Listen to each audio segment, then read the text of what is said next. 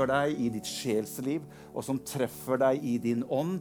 Og du kjenner det at det begynner å regne på deg. Og jeg opplever at det er mennesker her som lengter etter noe av det. Kan vi ikke bare ha øynene våre igjen, alle sammen?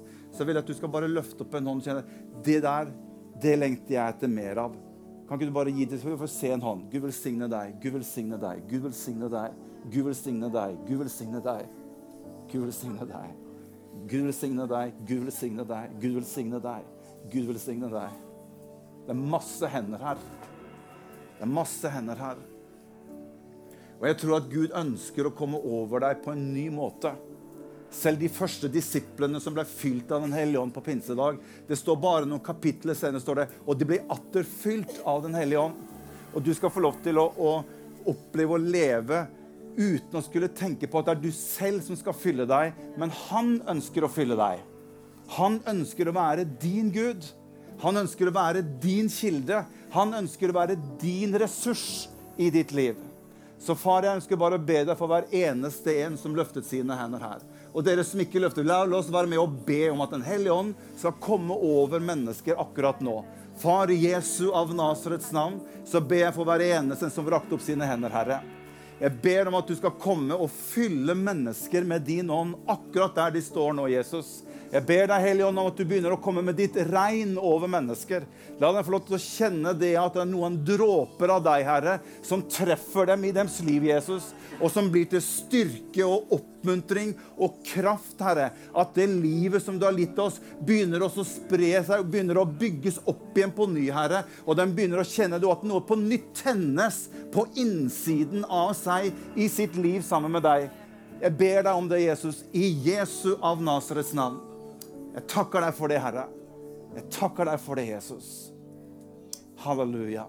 Det er mennesker her som opplever at det er lenge siden de har kjent på en måte en sånn en gnist i kristenlivet som du hadde for mange år siden. Som opplever at det er ikke den der driven og den tørsten og den lengselen som jeg en gang hadde. Og du stiller deg spørsmål vil jeg i det hele tatt ha muligheten for å kunne oppleve det på nytt, som jeg en gang kjente når jeg var for flere år siden i mitt eget kristenliv. Og så begynner man å sette begrensninger til Gud i forhold til hva han har mulighet til å gjøre i ditt og mitt liv. Og da har jeg bare lyst til å si den en hilsen fra Herren. Det finnes ingen begrensninger hos Herren for ditt liv.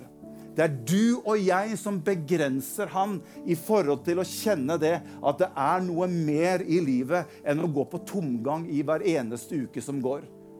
Gud elsker deg, og Gud lengter etter deg, og han lengter etter å fylle deg på nytt med sin ånd. Paulus han sa til Timoteus, 'Tenn på nytt igjen', sa han, 'den nådegave som du ble gitt' da noen ble lagt hendene på deg, og du kjente det at det var en ild på innsiden, du kjente det var en tørst, og du kjente at det var en brann. Du kjente at det var noe på innsiden som var levende og virkelig. Men det er så lenge siden du har kjent noe av det, at du begynner å tenke tanken ja, det var for én tid. Det er ikke sikkert jeg kommer til å erfare og oppleve det igjen. Men jeg har en hilsen til deg fra Herren. Det kommer til å komme en tid hvor du kommer til å se deg tilbake, og du kommer til å bare le av de tider som har vært, fordi at Gud kommer til å fylle deg med sin kraft og sin ånd og sin herlighet, og du skal få lov til å kjenne en ny driv og en ny oppdrift i ditt eget liv sammen med ham. Det du ikke trodde var mulig, det er mulig ved Den hellige ånd. Så ikke begrens din Gud. Ikke begrens Den hellige ånd i forhold til hva han kan være for deg. Det er ikke over, sier Herren. Det er ikke over. Men han ønsker å tenne på nytt igjen det som du en gang hadde i ditt liv slik at det skal få lov til å videreutvikle seg og vokse videre. Slik at du kan få lov til å tjene Herren videre i det kall og i den hensikt som Han har for deg i ditt liv, sier Herren. Så far, jeg ber deg for mennesker som kjenner på dette. Ber deg akkurat nå, Hellige Ånd, kom. Kom, Hellige Ånd. Tenn på nytt igjen. Åpne opp ditt hjerte og la Den hellige ånd få lov til å komme over deg. Guds kraft er her akkurat nå. Og han rører ved din ånd. Og han tenner på nytt igjen noe som du skal få lov til å kjenne. At noe skjedde i dag. Han trenger seg ikke på deg. Du åpner deg opp for ham, og han kommer. Og så blåser han på nytt igjen av sin ånd inn i ditt liv. I Jesu navn. I Jesu navn. Halleluja. Halleluja. I need you more. More than yesterday, I need you more. More than words can say, I need you more. Than ever before. Than ever before, I need you, Lord. I need Vi synger det en gang til. I need you more. I need you more.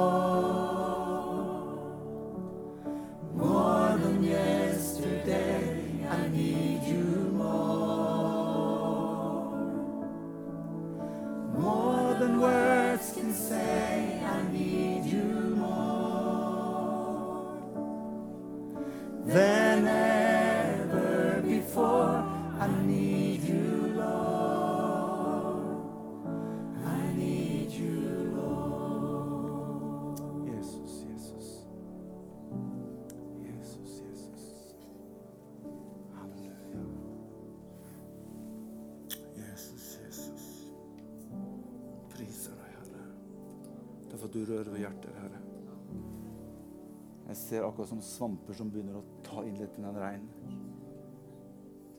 Kjenner at livet begynner å komme tilbake. I Jesu navn. I Jesu navn. Halleluja. Jesus. I Jesu navn. I Jesu navn. Halleluja.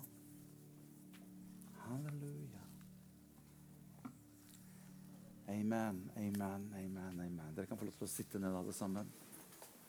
Takk til sanger og musikere.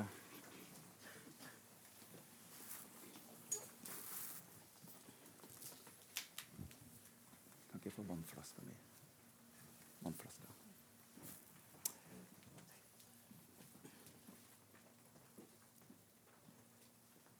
Fantastisk å være sammen i Guds nærhet og i lovprisning og tilbedelse. Det står faktisk det i Bibelen at én dag i Herrens forgårder er bedre enn tusen ellers, står det. Det er ganske stor kontrast. En tusen dager ellers, og det er tre, nesten tre år, det. Én dag i Herrens forgårder er bedre enn ca. tre år uten. Det viser bare hvilken enorm forskjell det gjør å leve et liv i kontakt med Den hellige ånd. Det er, en, det, er, det er, bare et bilde på kontrasten i ditt og mitt liv av å leve uten Den hellige ånd og leve med Den hellige ånd. For det blir veldig tørt i ditt og mitt kristenliv. Det er derfor jeg må ta litt vann. For det er en gammel, det er en gammel morsom Ellers så blir det så tørr predikant å ha hørt den. ikke sant? Ja. Men det har noe med den, der, den muligheten vi har til å oppleve at det fins et liv, det fins et kristenliv, hvor du og jeg ikke skal trenge å gå rundt uke etter uke, år etter år og oppleve en slags form for tørketid i kristenlivet vårt. Jeg tror Gud er rikere enn som så. Jeg tror Gud er så mye rikere. Og han hadde ikke tenkt at du og jeg skal gå rundt og oppleve tørke i vårt kristenliv. Det står at han er rik nok for hver den som tror. Jeg skal komme inn på det, men det slo meg når jeg var i bønn i dag tidlig, det som står i Jakob kapittel 1 og vers 5. Der står det at hvis noen mangler visdom, eller hvis noen mangler noe annet, så står det 'han be'. Hva er det som står for noe? Jeg må finne det. Og han som er han, eh, Hvis noen av dere mangler visdom, han skal be til Gud. Og så står det 'og han som gir noen'. Er det det det står? Nei. Det står 'og han som gir alle'. Noen ganger tror jeg vi har en sånn følelse av at Gud er litt sånn selektiv i forhold til hvordan han på en måte opererer med ting han gir, og gaver som han gir, og ja, velsignelse som han gir. Men ja, det, det, kom så sterkt til meg i dag tidlig. Og jeg bare hele si Morten, jeg er en giver av natur. Det er DNA-et til Gud er å gi. Men vi sitter med noen ganger en forståelse av han er litt sånn smågnien. Og hvis du er litt heldig og litt god og snill på toppen av det hele, så kan det være en mulighet for at du treffer blink hvis du spør han. Men her står det at hvis du mangler visdom, står det, så sier han, så skal han be til Gud. Og han som gir alle Og så fortsatte han rikelig og uten anklage. Hvor mange ganger kan ikke du og jeg føle oss ikke verdige eller gode nok til å ta imot ting fra Guds side? Men du og jeg kan, kan be han om noe og vite han kommer ikke til å anklage deg for å be han noe. Du kan ikke be meg om noe. Du vet åssen du har holdt på i det siste, eller hva du gjør, eller hva du har gjort. eller da, da begrenser vi muligheten for at Gud kan gjøre noe i vårt liv. Men han kommer ikke med anklage, men han gir til alle som spør han om, rikelig. For Gud er en god Gud, og han ønsker å velsigne deg og meg. Nå var det liksom sånn derre Amen. Are you here? Er, er, dere der hjemme? Ja, de er der hjemme. Bra. Men nå har jeg bare 27 minutter igjen, så nå skal jeg begynne å, å, å, å dele. Men jeg har mye på hjertet. Og nå begynner vi å komme langt, ganske seint ut i året med dette temaet med Jesus hele livet. Så, eh, og jeg har ikke så mange søndager igjen før nyttår, som, så det kan godt hende at jeg bare ligger i dette temaet ut resten av året. Vi får se. Men jeg har mye på hjertet rundt dette her. Så jeg bare begynner, og så tar man alltid da del én, og så blir det del to. Og så blir det kanskje del tre og del fire. Vi får bare se. Men jeg ønsker bare å dele noe av det som jeg opplever at Gud gjør ønsker at jeg skal dele med, med, dere. Så det som jeg har lyst til å dele litt med dere om i dag, det er noe med dette som har med vår posisjon å gjøre, og vår praksis. Jeg har lyst til å vise dere litt forskjell og legge det som et lite fundament opp imot det å leve som en kristen, opp, vår, opp imot vår posisjon i Kristus, og hvordan dette samsvarer med vår praksis, og hvor Den hellige ånd kommer inn i bildet i forhold til dette som har med posisjon og det som har med vår praksis. For sånn at Det å leve som en kristen det er ikke alltid så lett. Og alt folket sa Ja. Det er en litt negativ bekjennelse, men, men vi, vi, opplever at det er ikke så lett. Og det er, to, det er to grunner for det. Det ene er at vi har en verden på utsiden av oss som ønsker på en måte å dra deg og meg som en troende i feil retning. Det å være en troende handler veldig mye og nesten om å svømme motstrøms av det som er strømmen i den verden vi lever. Det er som laksen som står i motstrøms og svømmer andre veien. Det hadde vært mye lettere for han å bare snudd og bli bare dratt med strømmen ned. Det er den ene siden. Det er nesten som å prøve å, puste inn luft som du og jeg ikke har rundt oss i hverdagen. Det er det som Bibelen kaller for denne verden som er rundt oss. Det er det ene området. Men i tillegg så har du og jeg som kristen vi har den indre kampen i oss i tillegg den der, den der, vi skal komme litt inn på den neste søndag, den der dragkampen som på en måte Paulus snakker om i Romerbrevet kapittel 7.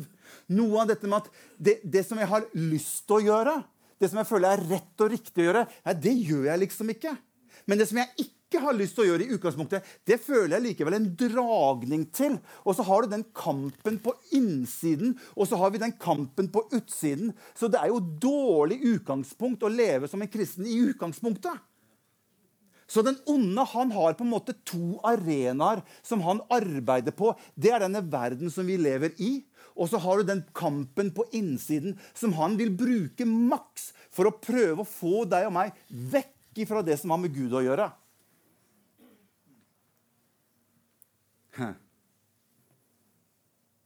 Men det er her Den hellige ånd kommer inn i bildet. Da kan dere si amen. Dere må lære liksom hvor ammen og sånt nå kommer, for det er, det er, veldig Så hvis jeg har sånn liten sånn pause, litt sånn Da Amen. Amen. Ja, det er bra. For du skjønner, når, når, du og jeg blir født på ny, når du og jeg blir frelst, så snakker Bibelen om at dødens makt den nøytraliseres i våre liv. Men den nøytraliseres ikke fullkomment. Du og jeg vil, vil vi likevel ha en slags form for tilbøyelighet, som, som Paulus snakker om i, i romerbrevet. Vi vil likevel ha en tilbøyelighet mot det som er mot Guds vilje i våre liv. Det er derfor Jesus sier, 'Jeg ber ikke, far, om at du skal ta dem ut av verden', 'men jeg ber om at du skal bevare dem i denne verden her'. Og Det er her Den hellige ånd kommer inn og skal være vår hjelper og være vår bidragsyter nettopp i denne verden og nettopp i denne tid som vi lever, i det livet du og jeg lever her nede på jorden. Og Det er derfor jeg har kalt dette Jesus hele livet ved Den hellige ånd. Nå vet jeg ikke hvilken bakgrunn du har rundt det som har med Den hellige ånd å gjøre. Vi kommer fra veldig forskjellige bakgrunner som, som troende. Noen syns dette med Den hellige ånd det er litt mystisk. Det er litt sånn eh, uhåndpåtakelig. Det er litt sånn som man ikke helt vet hvordan man skal definere. Og Ofte så har det blitt litt sånn Faderen, Sønnen og Den hellige bibel. Det er jo mye enklere å forholde seg til enn Den hellige ånd. Og vi har noen ganger litt tendens til, når det gjelder ting vi ikke helt vet liksom, hvordan vi skal forholde oss til, så pakker vi det litt bort. Jeg vet ikke om noen av dere er i ferd med å pakke bort litt sommertøy, og så setter vi det liksom på, på, på, loftet. Og noen ganger tenker jeg at det som har med Den hellige ånd å gjøre, den kan være litt sånn av og til at vi, vi, vi, vi vet jo om det, for det, det står jo litt om Den hellige ånd, Bibelen. men vi pakker det litt ned, og så setter vi det litt bort. Og så blir det noe som vi på en måte har, men det er pakket bort. Fordi vi greier ikke helt liksom å skjønne dette som har med Den hellige ånd, og veldig ut ifra hvilken oppvekst vi har, eller hvilken kultur vi kommer fra, eller hva man er vant med eller ikke vant med. Og så har vi mange forskjellige erfaringer som har rundt med Den hellige ånd å gjøre. Men jeg har skrevet her vi vil aldri komme bort ifra det som har med Den hellige ånd å gjøre i våre liv. Aldri. Å stue Den hellige ånd bort, det er som å droppe å ha bensin på motoren hvis du har en bil. Eller ikke ha elektrisitet på batteriet hvis du har en elbil. Så viktig er Den hellige ånd i ditt og mitt liv. Du kan ikke leve et liv sammen med Jesus uten Den hellige ånd. Jeg skal si det på en annen måte. Det er umulig å leve et kristenliv uten Den hellige ånd. Og Jesus selv syntes det var så viktig med Den hellige ånd at han var villig til å bytte seg selv ut med Den hellige ånd. Og han sier til sine nærmeste medarbeidere at det er til det beste for dere at jeg går bort. For hvis ikke jeg går, så kommer ikke Den hellige ånd. Og Jesus han var veldig på at jeg må få sendt Den hellige ånd. For han er nøkkelen inn i ditt og mitt liv som troende her nede. Men hvis vi stuer han litt bort og liksom vi, vi, vi, vet, vi, vet, litt om det, men det er litt, sånn, det er litt vanskelig og utilnærmelig, så vil vi ikke få ut av det som Jesus hadde tenkt at Den hellige ånd skulle være i våre liv. Og Derfor så tror jeg det at du og jeg vi har ikke noe valg. Vi er nødt til å vite det, hva dette her med, som har med Den hellige ånd å gjøre, og hvilken rolle han har i ditt og mitt liv. Det er nøkkelen til ditt og mitt kristenliv. Det er Den hellige ånd i ditt og mitt liv. Der, ja! Nå begynner det. Dette lover bra. Visste du at Den hellige ånd var nøkkelen i Jesus sitt liv? Når han var her nede, så var Den hellige ånd selve nøkkelen nøkkelen i hans tjeneste. Når han steller seg fram i Nasaret, så refererer han til profeten Jesaja. og Det står i Lukas kapittel 4, vers 18, så sier han Herrens ånd er over meg. Den hellige ånd er over meg. For han har salvet meg, sier Jesus. Selveste Jesus. Han sier at nøkkelen i min tjeneste her nede på jorden, det er at Den hellige ånd har salvet meg for å gjøre min tjeneste mens jeg er her blant dere. Og Jesus var et bilde på det som du og jeg skulle gå inn i etter han. Det er derfor han er så nøye. Vet du hva? Jeg må få sendt Den hellige ånd til dere. Og når han kommer, ikke når det kommer, for det er noe du stuer bort, men når han kommer, Den hellige ånd er ikke noe svevende, noe som ligger et eller annet sted oppunder taket, og som blir tykkere og tykkere etter hvert som lovsanger. Så, så blir det liksom en tjukk tåke som kommer ned. Og så når du berører deg, så bare kjenner du liksom at et eller annet liksom sånn Oi, nå kjenner jeg et eller annet her. Nei, Den hellige ånd er en person.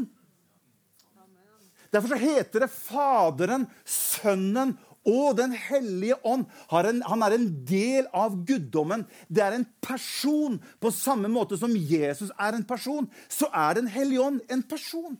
Og Det er derfor Jesus omtaler han som han. Når han kommer, så skal han være en bidragsyter inn i deres liv. Jeg kommer ikke til å komme via innledninga her i dag. Her blir, dette her blir øh, Ja. Men derfor så har jeg lyst til å ta utgangspunkt i noe som står i Korinterbrevet. Jeg har, jeg har lest mye Korinterbrevet både på skolen og utenom. Jeg syns eh, første Korinter er fascinerende brev. For Jeg har lyst til å si litt om dette som har med, med posisjon og praksis For jeg opplever at veldig mange kristne er stuck i noe av disse her sammenblanding av min posisjon og av min praksis hva som er hva. Og Jeg har lyst vise dere litt hvordan Paulus gjør dette her oppimot menigheten i Korint. Og menigheten i Korint, der står det på en måte både bra til, og så står det utrolig dårlig til. Så Paulus er en fantastisk mann til å stille diagnose. Det er det Paulus er veldig god til. Diagnose er jo et gresk ord som består egentlig av to greske ord, som er dia og gnosis. Diagnose. Er det noen leger her? Det er sikkert noen leger, det pleier å være noen leger her. Dia, vet du hva det betyr? Det betyr egentlig igjennom. Og gnosis har med kunnskap å gjøre. Så å stille en diagnose er egentlig det en lege gjør, er at han ser igjennom det som er på yttersiden, og så kommer han fram og så beskriver han hva som er egentlig er årsaken bak til hvorfor du er i den tilstanden du er. Det er å stille en diagnose. Og det er det Paulus gjør veldig mye opp imot menigheten i Korint. Han stiller diagnose. Og de første 16 kapitlene i første Korinterbrev er bare en utlegging og en imøtekommenhet for Paulus i synd etter synd etter synd etter synd etter synd og problemer og vanskeligheter. Men jeg har lyst til å vise deg litt hvor genial Paulus er når han stiller diagnose. For han stiller diagnosen rett. For hvis du stiller en diagnose feil, så får du en feil resultat etterpå. Men hvis du stiller riktig diagnose, så er Paulus på den måten at han beskriver hvem de er. Så beskriver han hva som er utfordringen og problemet, og så forteller han dem etterpå hva de skal gjøre, og hva resultatet kan bli av det. Det er en god diagnose. Og det er det Paulus gjør her i Korinterbrevet.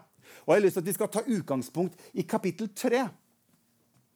Og, dette, og dere, dere må følge godt med Si til den som sitter ved siden av deg bare, du vet, i, dag må du, I dag må du følge godt med. I dag må du følge godt med. Ja, ja, ja. I dag må du følge godt med, altså. Og jeg kommer til å se på hver eneste en av dere om dere følger godt med. Ok.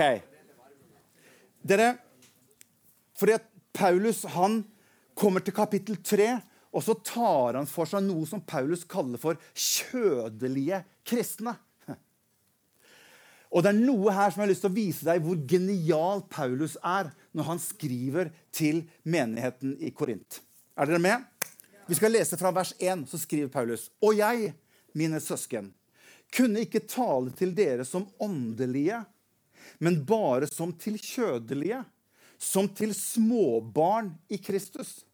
Jeg ga dere melk og ikke fast føde, for dere var ennå ikke i stand til å ta imot den, og fremdeles er dere ikke i stand til det. Her skriver Paulus noe som jeg syns er helt fantastisk bra. Han begynner hele Han begynner fra vers 1. Legg merke til hvordan han begynner. Han, sier, han starter med 'mine søsken', sier han. Hva er det Paulus gjør her? Dette her er genialt. Han setter seg i like standard som de han skriver til. Han sier at 'dere er mine søsken', sier han. Vi er brødre og søstre. Så han skriver til de som er gjenfødte. Og han er, han er, bevisst dette hele tiden, så han begynner med å si 'mine søsken'. Så han indikerer at de han skriver til nå, de er kristne. Men så understreker han rett etterpå i teksten at han ikke kunne snakke til de som åndelige. Ser du det? Dere, mine søsken, kunne ikke tale til dere, og jeg, mine søsken, kunne ikke tale til dere som åndelige. Hva betyr åndelig? Jeg satt og tenkte, så spurte jeg Anette hva, hva, tenker du på når du hører ordet. Hva, hva, er det å være åndelig? Hvis du skulle svart på det spørsmålet å være åndelig og Der tror jeg vi har veldig mange rare begreper om hva som er åndelig. Jo, vi litt om En åndelig det er jo noen som er veldig sånn Ja, åndelig. Altså, du er litt sånn Du er på en måte litt sånn innvidd, eller du, er, du, du bruker mye tid å lese Guds ord, du er mye bønn du ja, du er rett og slett bare litt sånn åndelig.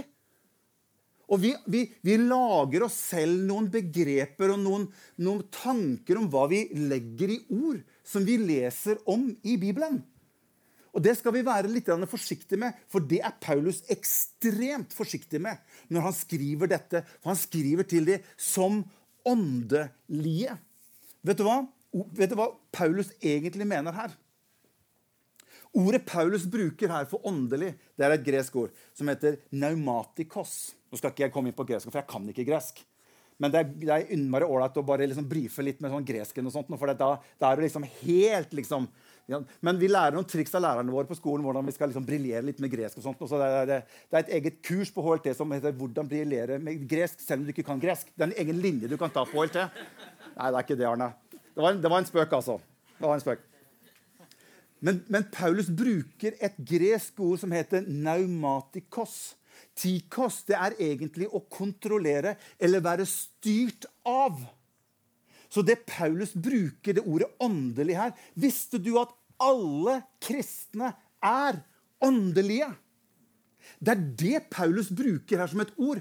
Han sier det at det ordet 'åndelig' her, det betyr egentlig at du er det motsatte av å være født på ny. Men du er født på ny, du er en kristen, du er åndelig. Og det ordet han bruker her, betyr egentlig at du er styrt av Den hellige ånd. Så kan du si at ja, men jeg føler ikke at jeg er styrt. Nei, men Da bruker du dine begreper igjen. For jeg føler ikke at jeg er åndelig eller så veldig styrt. Det er ikke det Paulus sier. Paulus sier at hvis du, født, hvis du, er født på ny, og Guds ånd bor i deg, så er du åndelig i den definisjonen at Den hellige ånd har tatt kontroll og bolig i ditt hjerte. Og han vil ha kontroll i din ånd og i ditt hjerte til den dag du dør. Det er å være åndelig. Det er å ha tatt imot Jesus Kristus og fått en gjenfødt ånd. Og det er det Paulus snakker om her, å være åndelig. Jeg må gå sakte, for jeg vil at dere skal få med dere dette her. Hør! Alle kristne er åndelige. Hvorfor det? Jo, for alle kristne er kontrollert eller ledet av ånden. Nei, men Jeg er jo ikke ledet av ånden. Nei, men Det er fordi du bruker noen karismatiske former for å være ledet av ånden. For da tenker jo jeg som en karismatiker Det er når jeg går nedover Karl Johan, ledet av ånden. Og så liksom, Kjære Hellige Ånd, hvem skal jeg gå bort til nå og snakke med? Det er det vi tenker når vi tenker om ledet av ånden.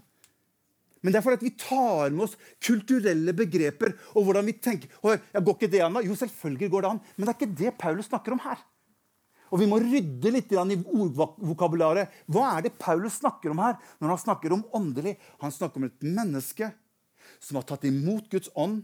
Og når du og jeg tar imot Guds ånd, så er han i, i lederposisjon. Uansett hvordan det står til med deg. Hva er det Paulus gjør her? Han, han, han setter din og min posisjon. Han beskriver for korintermenigheten hvilken posisjon de har i Kristus ved at de er født på ny. Mm -hmm. Vær med meg nå. Se hva som står i Romerbrevet kapittel 8 vers 9. De som kommer til ett møte, de får bare komme inn.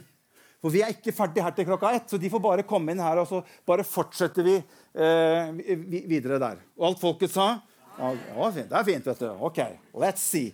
Romerne 8,9. Hva er det Paulus sier? Han sier, men det er ikke kjøttet som har makten over dere. Det er ånden, sier han. Så sant Guds ånd bor i dere. Hvem er det som har makten? Ånden. Så sant ånden bor i dere. Så når jeg blir født på ny, så flytter Guds ånd i meg å ta kontroll og har kontroll til jeg dør, hvis ikke jeg ønsker å velge han bort, så vil Den hellige ånd ha kontroll i ditt og mitt liv. I din ånd, i din posisjon, i din gjenfødte tilstand i Gud. Og det er det Paulus jeg synes, han er så genial. Og hør, det er derfor jeg sier Dette her er så ekstremt viktig. For det Paulus snakker om her, det er din og min posisjonelle tilstand i Kristus. Han snakker ikke om vår praksis. Nei, nei, det skal jeg komme tilbake til. Han prøver bare å forklare hvem du og jeg er i Kristus. Og dette gjør Paulus hele veien. Min posisjon innenfor Gud som kristen, den er fullkommen. Min posisjon i Kristus, den er perfekt. Men i praksis så lever ikke vi alltid opp til den fullkommenheten som fins i Kristus. Så det er en forskjell på posisjon og praksis. Men når Gud ser på deg og meg, så ser han oss som perfekte. Fordi du og jeg, vi er i Kristus Jesus, og han er perfekt. Er ikke det godt å vite innimellom? Men skjønner, dette er det mange kristne, dessverre, og som jeg også snakker med, som har vanskeligheter med helt å tro. Man sliter mellom sin posisjon i Kristus og hvordan man opplever sin praksis i hverdagen sammen med Jesus. Og så begynner praksisen i hverdagen med Jesus begynner å slå inn i hvordan jeg oppfatter min posisjon i Kristus er. Og her begynner kristne å, å, å jobbe i egen kraft. Og man blander kortene her, som Paulus er så knivskarp på å forklare hvordan det egentlig er. Så innenfor Gud, posisjonelt, så er jeg hellig. Praktisk, ja, da har jeg noe å jobbe med. Aha. Jeg lever ikke alltid opp etter den, den, den posisjonen jeg har i Kristus. Absolutt ikke.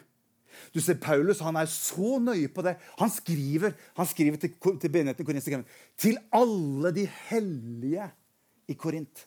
Og så fortsatte han etter med å fortelle hvor råtne de egentlig er. Det henger jo ikke sammen. Hva er det Paulus prøver å få dem til å forstå?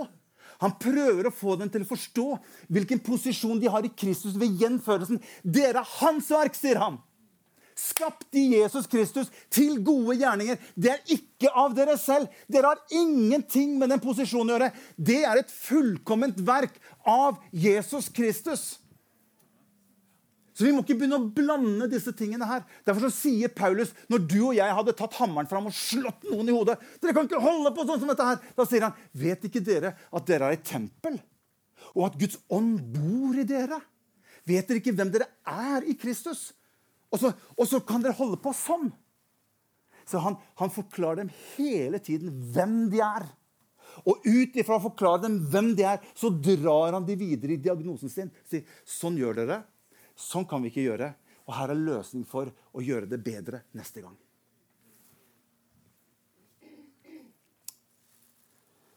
Når Gud ser på deg og meg, ser han synd? Nei. Mange kristne har vanskelig for å svare nei på det spørsmålet. Når Gud ser deg og meg, så ser han Jesus. For vi er i Kristus. Jesus, om dere blir i meg, og jeg blir i dere Så når, Jesus, når Gud ser på Morten, så ser han på meg gjennom Jesus Kristus. Og det er den posisjonen som er verdig til å komme til himmelen. Ikke hva du og jeg får til i hverdagen. For der rakner det av og til. Kanskje ikke så mye som før, og det burde ikke være så mye som før. Og Den hellige ånd ønsker ikke at det skal være så mye som før, for han har en løsning for deg og meg til å leve praksisen vår også opp imot det som Gud har gjort. Men når Jesus ser på deg, så ser han på deg som en fullkommen. Du er fullkommen helliggjort. Du er fullkommen hellig. Du er fullkommen rettferdiggjort. For Det fins ikke halvveis kristne. Det er ikke sånn trekvart-kristen. Men du og jeg vi kan føle oss i forhold til hverdagen vår. Nei, vet du hva, I dag, I dag er jeg på rundt 60 tenker jeg. I går, i forrige uke da var jeg veldig flink, og da var det en veldig bra uke. Da var jeg nok sikkert oppe sånn rundt 80, smasha opp på 85-90, liksom. I forhold til hvilken følelse jeg har i min egen hva skal vi si, i min egen øh, følelse av hvordan jeg, for, hvordan jeg forholdt meg overfor Jesus. Jeg håper dere får noe ut av dette, for det er, for meg er dette her veldig viktig. Vi har noen minutter igjen. Så det er forskjell her. Hør. Når Gud ser på deg, ser han synd? Nei, han ser Jesus. Og Johannes han går så langt til å si at slik han er, sier Johannes. Slik han, Hvem er han? Jesus. Slik han er. Slik er vi i denne verden, sier han. Ja, Men jeg er jo langt unna Jesus. Nei, ikke i din posisjon. Ikke i din gjenfødte ånd. Der er du gjort fullkommen ren.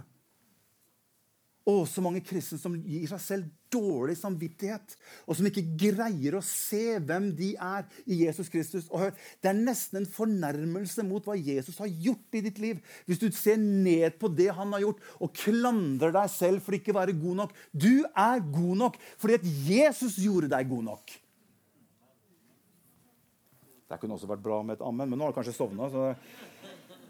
Jeg har skrevet her Vi er til og med fullkommen moden. Hva? Nei, nå, nå, nå roter du, Morten. Vi er ikke fullkommen moden. Efeserbrevet snakker om at vi skal vokse opp i modenhet til Kristus. Jo, men Paulus bruker disse ordene åndelig opp imot vår posisjon og i vår praksis. Paulus bruker ordet 'kjødelig' opp imot de som ikke har tatt imot Gud, og de som har tatt imot Gud. Og Paulus bruker også dette sammen med modenhet opp imot deg og meg som kristen i vår posisjon og også i vår praksis. Se hva som står i 1. Korinterbrev kapittel 2 vers 6. Den skriver han Likevel forkynner vi en visdom for dem som er modne. Det var i hvert fall ingen i forhold til praksis i Korint som var modne. Hva er det Paulus gjør? Han henviser til hva de er i sin posisjon i Kristus. Vi skal gå videre her.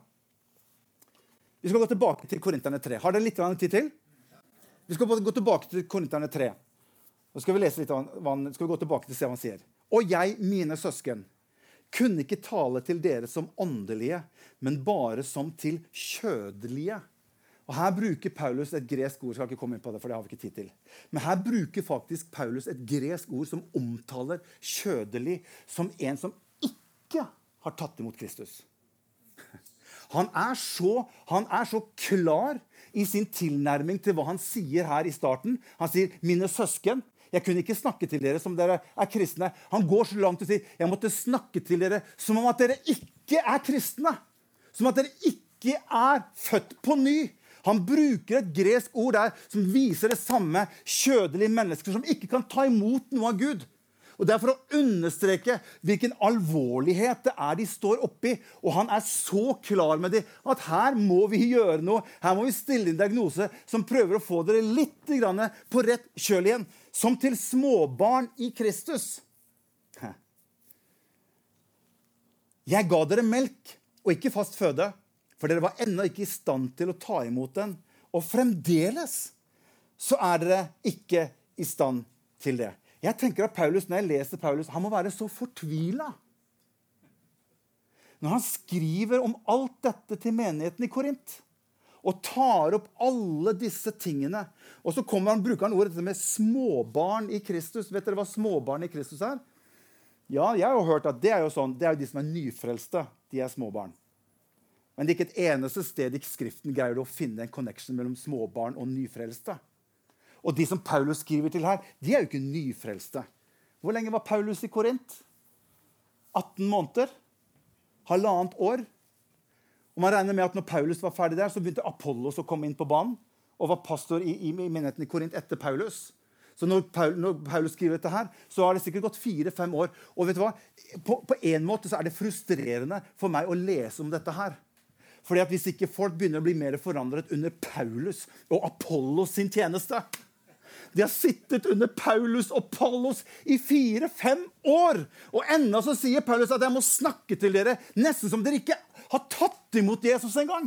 Jeg vet ikke om det er inspirerende. eller om det er bare, vet du hva? Nei, da kan jeg bare legge opp. Det, da, det går ikke. Men det er noe Paulus ønsker å vise dem.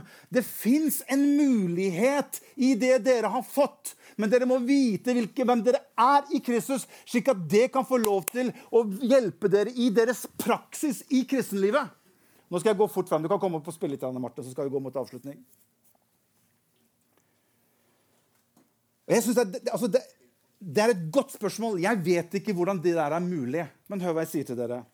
Jeg tror at Hvis vi lar på en måte det kjødelige, det verslige, det som har med livet vårt å gjøre, prege oss så mye i hverdagen vår Til slutt så legger det nesten som et lokk over oss av den åndeligheten som vi har på innsiden, og det Gud har gitt oss. At det giret som du hadde en gang åndelig, det er nesten som det først bare går nøytral, og så plutselig så går det bare revers. Og så går det bakover med oss i livene våre. For denne verden, kjødet vårt, tar sånn over oss til slutt. At det som tales eller forkynnes, eller til og med det vi leser vi Til slutt så blir vi en glemsom hører. Og jeg vet at her, denne eh, første delen her, den er ikke så liksom, sånn halleluja. Det kommer. Vi må først, vi må først liksom, trykke oss litt ned, og så kommer så løfter vi oss eh, opp igjen. Så det må komme her neste søndag. Da blir det litt mer sånn oppdrift og litt mer sånn håp eller lys i tunnelen. For nå sitter dere og ser bare Det er jo ikke, ikke noe sjanse i det hele tatt, dette her. Jo da, det er det. Det er lys i tunnelen i dette her. Og det vet Paulus også. Versligheten pakket dem så inn at Guds ord hadde ikke sjans lenger til å påvirke og bevege dem i en åndelig retning. Vet du hva du og jeg hva vi trenger da? Da trenger vi vekkelse. Vi trenger vekkelse på innsiden av oss selv. Til å begynne å hente opp og begynne å komme tilbake til det Jesus har gitt oss, Den hellige ånd.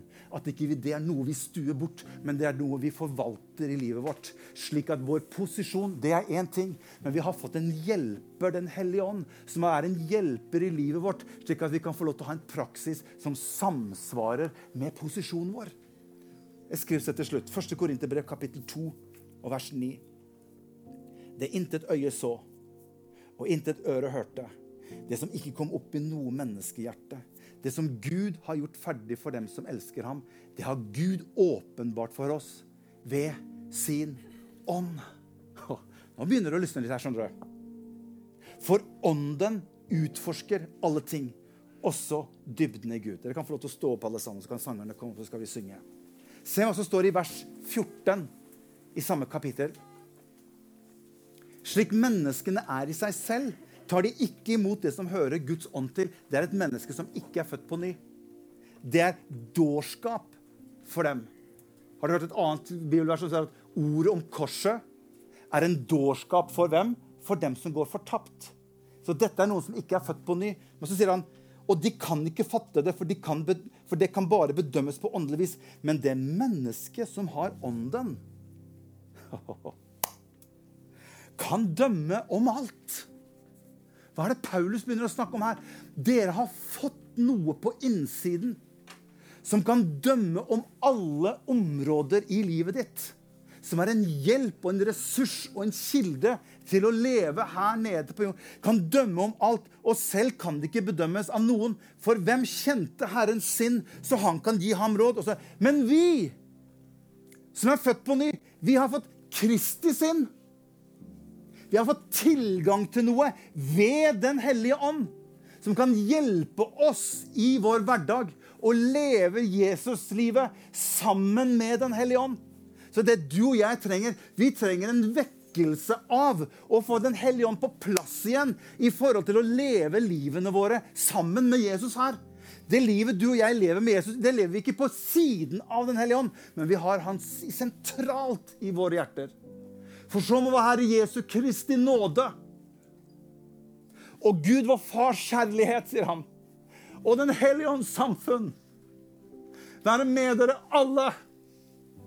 Vi har fått nåde fra Jesus, og vi har fått kjærlighet fra vår himmelske Far. Og så sendte Jesus Den hellige ånd for at vi skal ha samfunn med ham.